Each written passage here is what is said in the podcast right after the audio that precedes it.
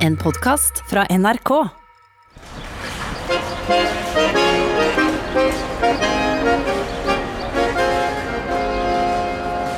Hola, soy Ana Iturralde Quildal. Me llamo Susana Kildal. Soy nieta de Marcus Kildal. eh, Søstrene Anna og Susanna Kildal er baskere. De bor i byen Tolosa i Baskeland. Morfaren deres het Markus Kildahl og var fra Gjøvik. La cultura noruega muy interiorizada por nuestra madre Rosita, que nos enseñó mucho, mucho, mucho, mucho de Noruega. Y queremos a Noruega como a Euskadi. Hun har lært veldig mye om Norge gjennom sin mor, og er like glad i Norge som hun er i, i Baskeland. I museum i dag skal vi få vite hvorfor Markus Kildahl og mange andre nordmenn havnet akkurat her. Hun som vi nettopp hørte oversette, skal hjelpe oss med det. Det er historiker Tove Orheim. Og stikkordet er Musta, som i dag er mest kjent som verdens største produsent av fiskekroker. Men det hele begynte med hesteskosøm. Først på Gjøvik, før det ble fabrikker i flere land. Noen kilder mener at Mustad er det første norske multinasjonale selskapet. For 16-17 år siden kom Orheim nærmest tilfeldig over bedriftens interessante historie i Baskerland. Mustad um, eh, ble jo grunnlagt i 1838, eh, og mot slutten av 1800-tallet så begynte de å internasjonalisere virksomheten. Først ute var jo en eh, virksomhet i Frankrike, i Duclair, hvor de oppretta en hesteskosømfabrikk. Den gang så dro de ned med alle arbeiderne og jobba da i, som en en- enklave der nede, uten å ta, ha noe sånn særlig kontakt med lokalbefolkningen. Altså, det var ikke noen franskmenn som jobba der. Nei. Men tiåret seinere, i 1906, eller 7 da egentlig, så kom de hit ned. Eh, Og da var det jo slik at de ansatte arbeidere, baskiske arbeidere fra dag én. Altså både på kontoret og i, i verkstedet, og på sømsmia, som de kalte det. Bare for ordens skyld. Hesteskosøm er spikeren som eh, brukes til å feste hesteskoen til hoven. Og det var det produktet Mustad starta med, og som eh, senere har utvikla seg til et industrieventyr. Spania hadde jo en veldig stor hær, og det var et stort marked for hesteskosøm. I tillegg så var det en mindre hesteskosømfabrikk her nede allerede, så de hadde ku- kunst, lokal kunnskap.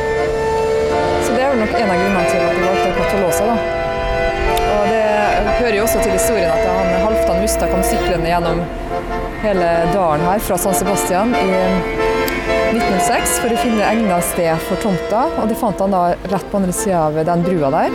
Eh, nå er det i dag en sånn eh, matvareforretning, og det er, er den originale. det er originalt. Og det er et nybygg da, Ja, fra et skrue, skruefabrikken er det vi ser på andre siden her. ja, for det begynte med hesteskosøm, og så Først hesteskosøm, og så var det skruer og glidelåser. Og så var det først på mot eh, slutten av 30-tallet at det ble fiskekrok. Vi hørte Tove Orheim nevne Peder Helsvik, den første salgsdirektøren som Musta ansatte helt i starten i Tolosa. Vi skal høre mer om han nå, og da må vi en snartur til Mustadsvei 10 på Lilleaker i Oslo, rett ved den brusende Lysakerelva. Der treffer vi barnebarnet Kim Gunnar Helsvik. Min eh, farfar, som var født i 1867, jeg er 51 år og har da en farfar som er født i 1867. Det er, Det er det er ikke dårlig. Eh, Han var da agent, solgt av speaker, speakeragent for Mustad, eh, med utgangspunkt i da den fabrikken som lå her, eh, her nede. Og så da Mustad etablerte seg i Tolosa, så var jo det for å produsere såkalt hesteskosøm. Og den Eh, Produksjonen ble da samtidig lagt ned her på Lilleaker da de åpnet eh, hesteskosømfabrikken i Tolosa i 1907. Og da var det bare norske arbeidere og norsk eh, direksjon som da ble overført til dette, denne nye fabrikken i, i Tolosa. Og da var min eh, farfar da med på lasset og ble da denne tidligere salgsagenten for spikeren her i, på, i Kristiania ble da salgsdirektør for hesteskosømfabrikken der, der nede. Og dette var en, en kjempeperiode skjedde i Baskeland. Altså det er en enorm økonomisk utvikling. Dette her Tolosa ligger rett i ved San Sebastian, som var liksom sommerhovedstaden i Spania på den tiden. ikke sant? Hvor kongehuset holdt til på sommeren, og, og hvor det var uh, kjempeliv med kasinoer og, og et, ja, luksushoteller og videre osv. videre. På på 20-tallet så var det vel 500 000 turister som kom til San Sebastian i året. Det var stort sett spanske og franske turister, men det var liksom et sted hvor det, hvor det skjedde mye. Ja. Hvor det var en voldsom økonomisk utvikling, og hvor det var um, Ja, så det må ha vært et veldig interessant sted å komme. Så er vi tilbake i Tolosa sammen med historiker Tove Orheim. Av de norske fra Gjøvik som, som ble værende her nede, ble jo integrert. Ja, et eksempel på det er jo at han Markus Kildahl, da, som barnebarna vi har snakka med i dag, ja. fortalte da at han var medlem i et sånn såkalt Toxo, som er en sånn gastronomisk herreklubb, som lå rett på andre siden av Norskebrua. Ja, og Mustads verksted. Mustads verksted, ja. ja. Og det var en klubb som var utelukkende for herrer. Og det var, det var jo baskere som har oppretta det, men der slapp da Markus og antageligvis flere nordmenn, norske herrer, inn da. Ja, og nå står vi rett utafor der det var, faktisk. For det stedet eksisterer fortsatt. Det er ikke så mye å se her nå. Det er ikke mye klubbaktig eller foreningsmessig. Nei, det er det ikke. Og her er et sted der man møttes og kokkelerte. Og der mannfolka var ansvarlig for alt. Alt fra innkjøp av mat til selve matlaginga til å vaske opp og alt mulig rart. Og kvinnene ville ikke de ha inni det her samfunnene da. Nå er det ikke så mye igjen her. Det er vel noen leiligheter her antagelig. Og det ser litt sånn støvete slitt ut, og dørene er Ja, det skal rives der. Det, det skal rives også, ja? Ja, så det er jo litt sånn ja, ja men for, for den norske historien i Tolosas skyld, så må vi ta et bilde her, da. Ja, vi får og gjøre det. gikk det en inn her også, så det er leiligheter. Ettermiddagstrafikken i Tolosa er i gang. Det bor i underkant av 20 000 mennesker her. En kompakt by mellom dalsidene, med elva Oria som byens stolthet. Den var og er også viktig for industrien i byen. Vi er heldige og blitt invitert til lunsj på en, en choco eller toxo, eller hva det nå heter på baskisk eller spansk. Det er et tredvetalls slike bare i Tolosa. Søstrene Susann og Anna Kildahl er medlemmer og i så måte foregangskvinner på denne arenaen. Anna, som er hun som driver skiforretningen her. Hun var den første kvinna som eh, fikk innpass i det, det Toxo der, og det var hun veldig stolt over. da. Det var på slutten av 70-tallet. también casi ya no existe, ¿eh? porque te vienen los chinos y se lo llevan. Sí, aquí también.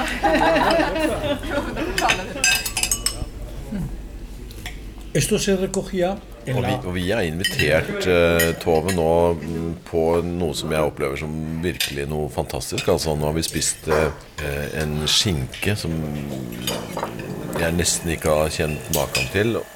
Men jeg syns det her var, det var veldig høy kvalitet på, på varene her, altså. Uh, jeg mener skinke og ansjos. Det, det ville vi ikke servert hjemme, men det det står veldig godt til hverandre her. Ja, absolutt. Og de er veldig opptatt av kvalitetsmat her i Baskeland, så det var veldig gøy å få bli invitert i en sånn eh, samfunn.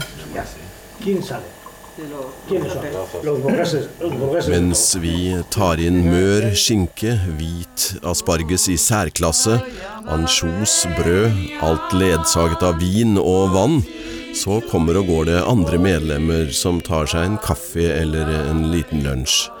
Lokalet er som en restaurant, utstyrt med toppmoderne kjøkken, bar og salong. Denne shokoen har 60-70 medlemmer. En kan bare tenke seg opplevelsen for arbeidere fra Gjøvik som ble deltakende i slike selskap. Voice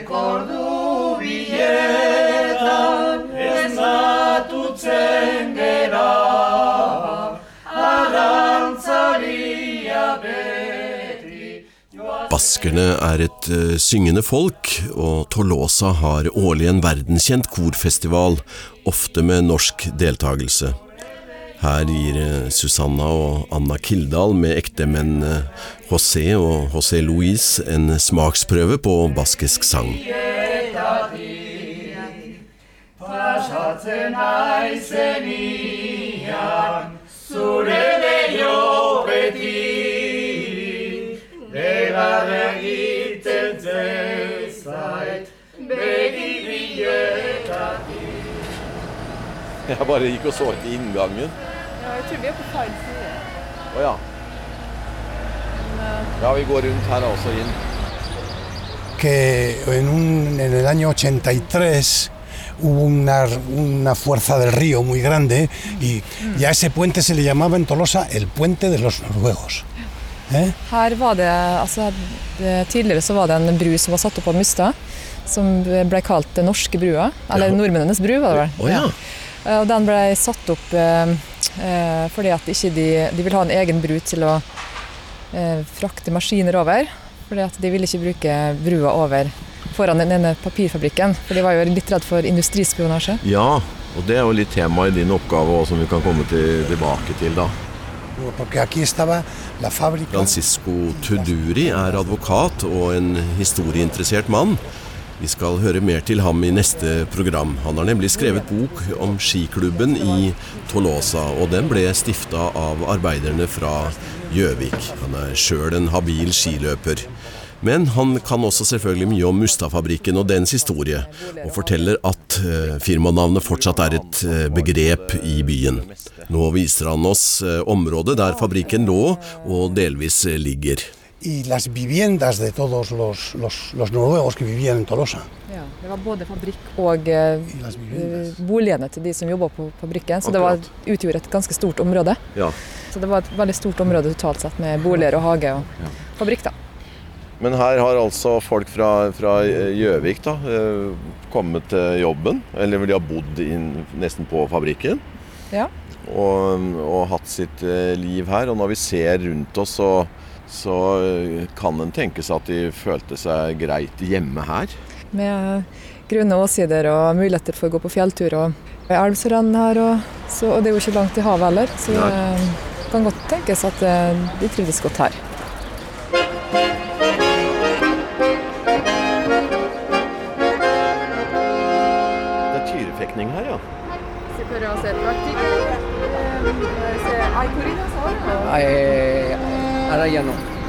Nei.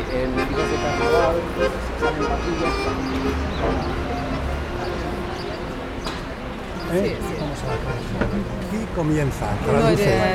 Ski begynner. Ah, ja. Cuando el esquí comienza. Når ski, når ski begynner, ja. Og så er det flott uh, bilde av uh, to uh, som hopper samtidig i en bakke. Hvor er det hen? Esto es en Francia, Pirineo francés. Ah, Pirineo francés, Buret. Ja. Concurso internacional Francisco Tuduri er eh, pensjonert advokat og viser oss boka han har skrevet om skihistorien i hjembyen sin, Tolosa. Tittelen er eh, 'Når skigåingen begynte'.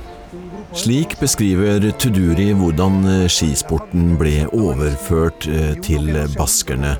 Vi leser et avsnitt fra boka hans. Da den første snøen viste seg vinteren 1907-08, kunne tolosanerne se nordmennene dukke frem fra fabrikken sin med planker som de brukte til å gå på snøen med. Emil Petersen, Albert Amundsen, Bernt Topp og Halvdan Tollerud, alle fra Gjøvik, var de første som gikk på ski i Tolosa, til innbyggernes store forundring. Likevel ville en del innfødte tolosanere også forsøke seg på denne nye idretten, og 5. mars 1908 debuterte Policarpo Eleosegui, Henaro Ruiz de Arcaute, José Zaguirre, Ramón Izazusta og Isak López Mendiazabal på ski under veiledning av den norske ingeniøren Aymond Enebukk. Et par år senere stiftet de norske arbeidernes skiklubb Tolosano. Og Tuduri sier at det faktisk var disse mennene som introduserte langrenn og hopp i Spania. El, el salto de ski. El salto de esquí, porque las primeras competiciones que participaron los noruegos que estaban en Tolosa eran de salto. Det var altså aller først ski, altså skihopp hadde man aldri gjort i Spania før i det hele tatt. Hvor, hvor mange er det som går på, på langrenn og hopper i dette området nå?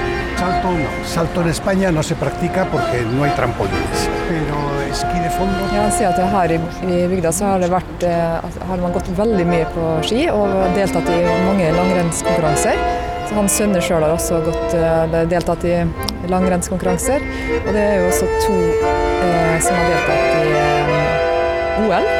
Og i går traff vi en på gata som har vært norsk, nei, spansk mester på ski. Så, og med veteran-VM og forskjellig, så det er veldig stor entusiasme rundt eh, langrenn. eh, Helt sånn eh, i, i, i hele Guipuscoa-regionen, men spesielt i Tolosa. Der er det liksom Ja, ski er det noe som nesten alle går på. Sí, en Tolosa está la tienda, el comercio de, que, que más esquís de fondo vende de toda España. Y corredores de élite, corredores de campeonatos y tal, vienen a comprar los esquís a Tolosa. Corredores så veldig spesielt at er skiforretningen som er jo Ana Kildahl driver, er jo som er barnebarnet til Markus. da. som vi skal til nå etterpå. Ja. Eh, Jeg har jo, altså det er jo en av de mest best utstyrte langrennsforretningene i hele Spania. og De kommer jo eliteskiløpere fra Madrid og andre plasser for å handle ski her. da. Så det er jo veldig spesielt. Eh, så et siste spørsmål nå, i foreløpig i hvert fall. Eh, eh, hva var eh, årsaken til at han, at han ville skrive bok om dette? Pues porque me daba, porque yo esta historia la conocía por mi padre. Y me daba mucha pena Han eh, kjenner jo så den historien fra han var liten gutt gjennom sin far, som var veldig aktiv medlem i skiklubben og sammen med de norske.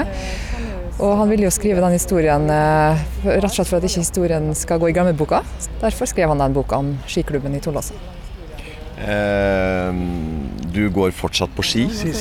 En time herfra kan man jo dra opp i Aralarfjellene og gå på ski, men eh, den snøen eh, er litt sånn at den eh, går litt fort, så da er det litt bedre å dra til Pyreneene, Ja. hvor han har ei hytte. eh, Og, og, så han drar ofte dit.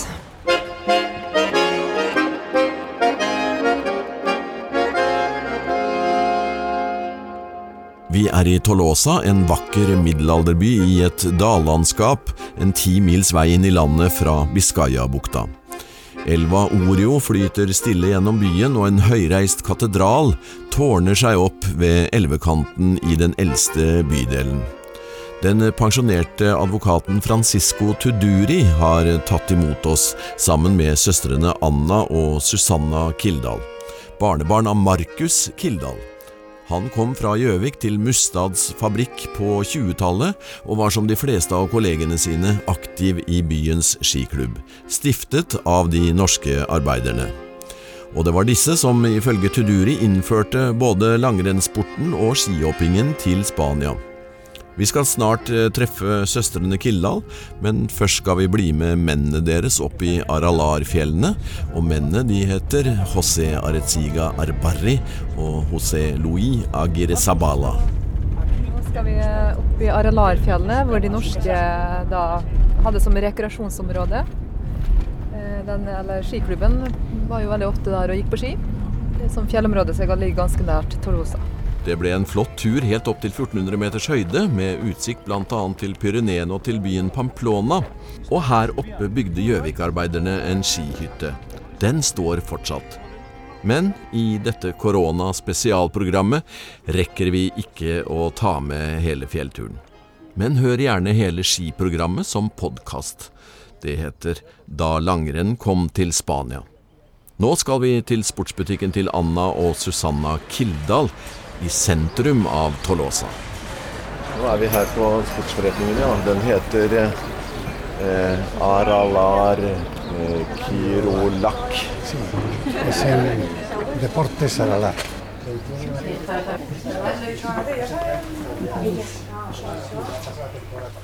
Hallo. Jeg esquía con estos. Nå tar, Ah, nå tar Este fram en, en liten eh, fish, eh, si eh. barnebarn, ja. Det er, og, Disfruta más el, el abuelo la chona que la ya. så den, den nye, gener, nye generasjon eh, får også langrennsski. Ja. Los niños también eh, esquían. Sí, sí, sí, desde pequeñitos, pequeñitos, sí. Nuestros sobrinos, sus hijos. mis hijos antes que andar, andaban en el esquí. No sabían andar. Forteller eh, det her eh, at eh, oldebarnet blir det da til norske Mustad-arbeideren faktisk lærte å gå på ski før lærte å gå. Eh, kjenner de uttrykket som brukes som nordmenn, at vi er født med ski på bena? Hay una expresión, no sé si conocéis, pero eh, los noruegas están nacidos con los Con sus esquís. puestos. Sí. Sí, sí, sí, sí. Nuestra madre nos decía. Ja, mor, mora fortalte. Mora fortalte det, ja. Ja. Det forsto jeg. Madre. Noen få norske ord lærte de også av sin mor, som altså var datter av Mustad-arbeideren Markus eh, todo el rul, hago todos los años el rul, el yulecaquer, rislaper, también, rislaper me gusta mucho. rislaper, ja. Rislaper, mis hijos les gusta mucho, mucho rislaper. For å ta det siste først, Ja. eh, så de har jo både norske og baskiske flagget alltid når de har, skal feire noe sånn. Eh, og så forteller hun også at eh, hun har jo en del eh, norske mattradisjoner som hun liker å ta vare på. Blant annet hun lager hun rull og julekaker og rislapper. Og eh, forteller også som søstera at det var spesielt mora som eh, lærte dem tok vare på norske tradisjoner og fortalte eventyr og Y luego también recuerdo yo de pequeña que aquí era muy raro, muy extraño. Aquí existían los Reyes Magos. Hun forteller at hun, eh, hennes familie feirer da norsk jul. Det er på den typen at de, julenissen kommer eh, på kvelden ikke sant? og deler ut julegaver. Og det er jo ikke vanlig i resten av Spania. Og det eh, gjorde hennes eh, foreldre mot henne, og det gjør hun nå med sine barn. Y Eh, I los clientes Hvor eh, kommer eh, kundene fra? De, de todo el norte de España, de Asturias, Navarra, La Rioja, Aragón, Madrid y de aquí también.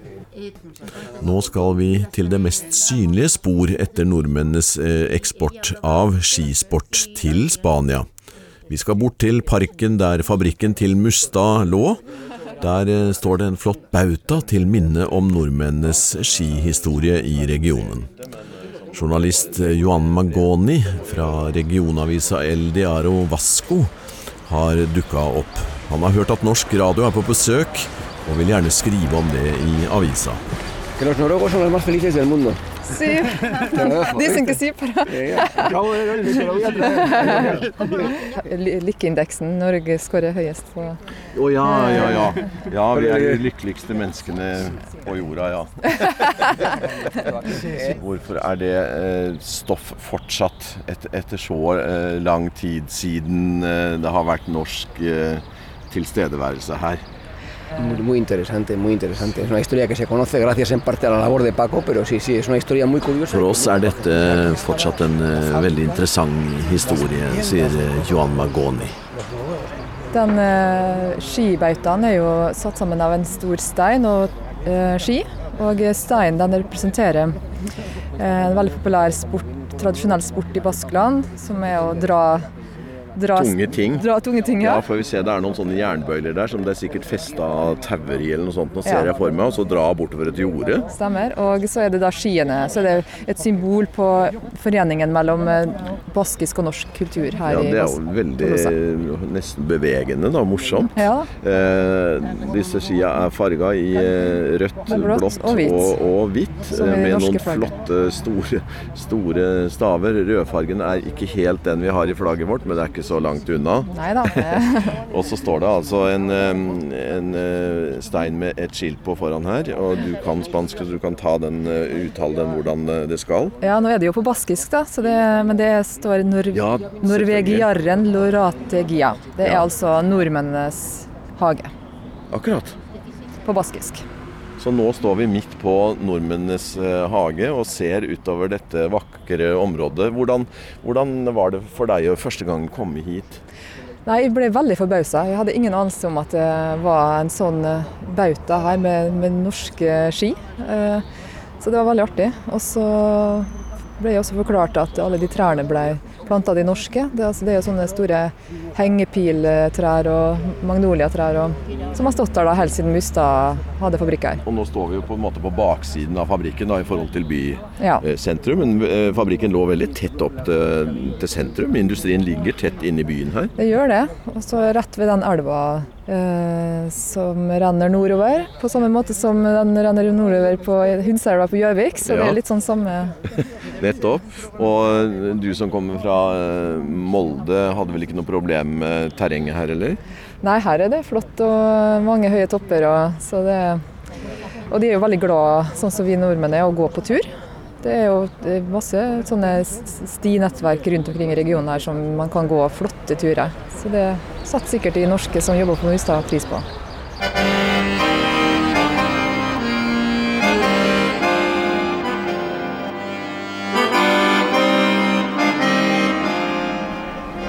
Vi er jo ikke langt ved havet. Her er en fantastisk fiskebutikk. Åh, Ja. det glinser. Og det lukter nydelig